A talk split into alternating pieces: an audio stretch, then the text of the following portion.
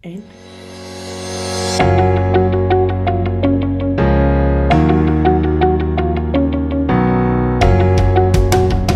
Welkom bij EHBS, de podcast. Jouw eerste hulp bij stagewerving. Wij zijn Maaike Smits en Iris Hendricks. En deze aflevering gaat over... Motivatie. Welkom bij deze nieuwe aflevering. We hebben super leuke reacties gekregen op onze vorige aflevering. Ja, zeker. Echt leuk om te horen. En deze week gaan we daarom vrolijk door met een nieuwe aflevering over motivatie. Ja, een heel belangrijk onderwerp waar je een sollicitatie echt mee kan maken of breken. Wanneer jij je cv en motivatiebrief goed hebt opgesteld, kun je jouw toekomstige werkgever echt overtuigen dat jij het moet worden. Ja, en waarom een cv en motivatiebrief nog meer belangrijk is, gaan we je vertellen aan de hand van stellingen. Iedere aflevering bespreken we een aantal stellingen waar we het mee eens zijn of mee oneens. Dus eh, laten we maar snel beginnen met de eerste stelling. Stelling 1. Een cv is belangrijk tijdens het solliciteren. Ja, de, aan de hand van je cv word je uitgenodigd op een sollicitatiegesprek. Ja, klopt. Op een cv kun je al je werkervaring, behaalde certificaten, maar ook je diploma's laten zien. En je kunt de opdrachten waar je het meest trots op bent, die je het afgelopen jaar hebt gemaakt, groot uitlichten. Zodat de werkgever hiervan weet voordat je op het gesprek komt. Ja, zeker. Vorige aflevering hebben we het natuurlijk ook gehad over wie ben ik. En nu je dat goed weet, kun je hier ook wat over op je cv zetten. Dus bijvoorbeeld wat jouw goede eigenschappen zijn. Want wat heb jij op je cv staan, Maaike? Ja, inderdaad. Goede eigenschappen staan op mijn cv, maar ook bijvoorbeeld eh, vaardigheden en competenties. Um, wat er bijvoorbeeld bij mij op staat, is dat ik heel goed zelfstandig kan werken, maar kan ook goed in een team werken. Het zijn natuurlijk wel clichés, maar dat zijn wel dingen waar een uh, opdrachtgever naar op zoek is. Nou ja, dat is wel echt een hele goede opbouw. Dus ja. uh, laten we doorgaan naar de volgende stelling. Ja. Stelling 2. Een motivatiebrief maakt of breekt je sollicitatie. Ja, daar ben ik het wel mee eens. Wanneer jij goed kan onderbouwen waarom jij zo gemotiveerd bent voor jouw droomstage, zal een werkgever ook automatisch enthousiast worden van jou. Ik heb hier wel een vraagje over. Wat is nu het verschil tussen een sollicitatiebrief en een motivatiebrief? Een sollicitatiebrief is vooral gericht op het toelichten van je cv, terwijl je in een motivatiebrief meer gefocust bent waarom jij gemotiveerd bent om de stage te gaan lopen. Om een werkgever ervan te overtuigen om jou aan te nemen, kun je dus beter een motivatiebrief schrijven.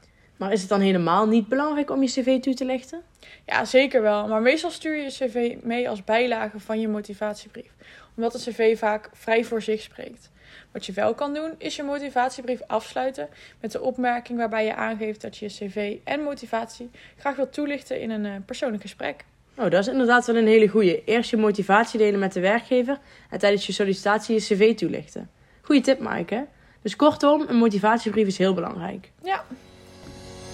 Hey, we komen er heel even tussendoor, want we bespreken namelijk een hele gave vacature. Hier komt ie. Voor de vacature van de week zijn we benaderd door een oud student van de opleiding, Tim Fraser. Hij werkt op dit moment op de marketingafdeling van Libema en bij Libema hebben ze een super toffe stageplek. Ja, zeker. We hebben echt een super gave stageplek voor je. Uh, Libema is een organisatiebureau met verschillende beurzen en evenementenlocaties.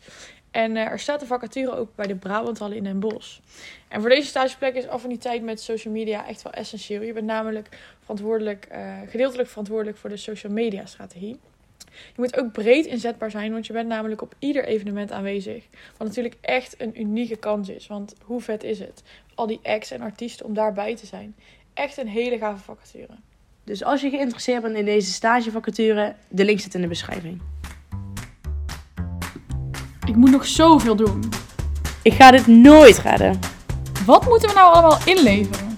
Oh, al die formaliteiten. Hou jij nog bij wat we allemaal moeten inleveren? Waar vind ik al die informatie? Hoe maak ik een match?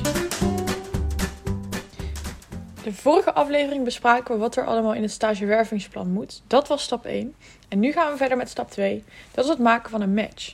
Ja, en bij het maken van een match kies je drie stagevacatures van de stagebank of uit je eigen netwerk die mogelijk matchen met jouw profiel. De lijst met stageplaatsen stuur je naar je SLB'er of plaats je op je SLB dashboard. Ja, maar let hierbij goed op dat de stagebiedende organisaties voldoen aan de criteria van school. Die kun je vinden op de digitale campus.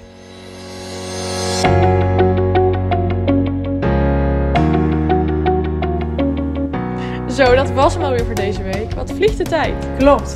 Hopelijk ben je iets wijzer geworden over je cv en een motivatiebrief. En ga je nu hard aan de slag om een topper van een cv en motivatiebrief te schrijven. Ja, en we horen graag wat jullie van deze aflevering vonden. Dus laat het vooral even weten via ons Instagram-account, EHBS. En vergeet ons ook niet te volgen. Tot de volgende keer!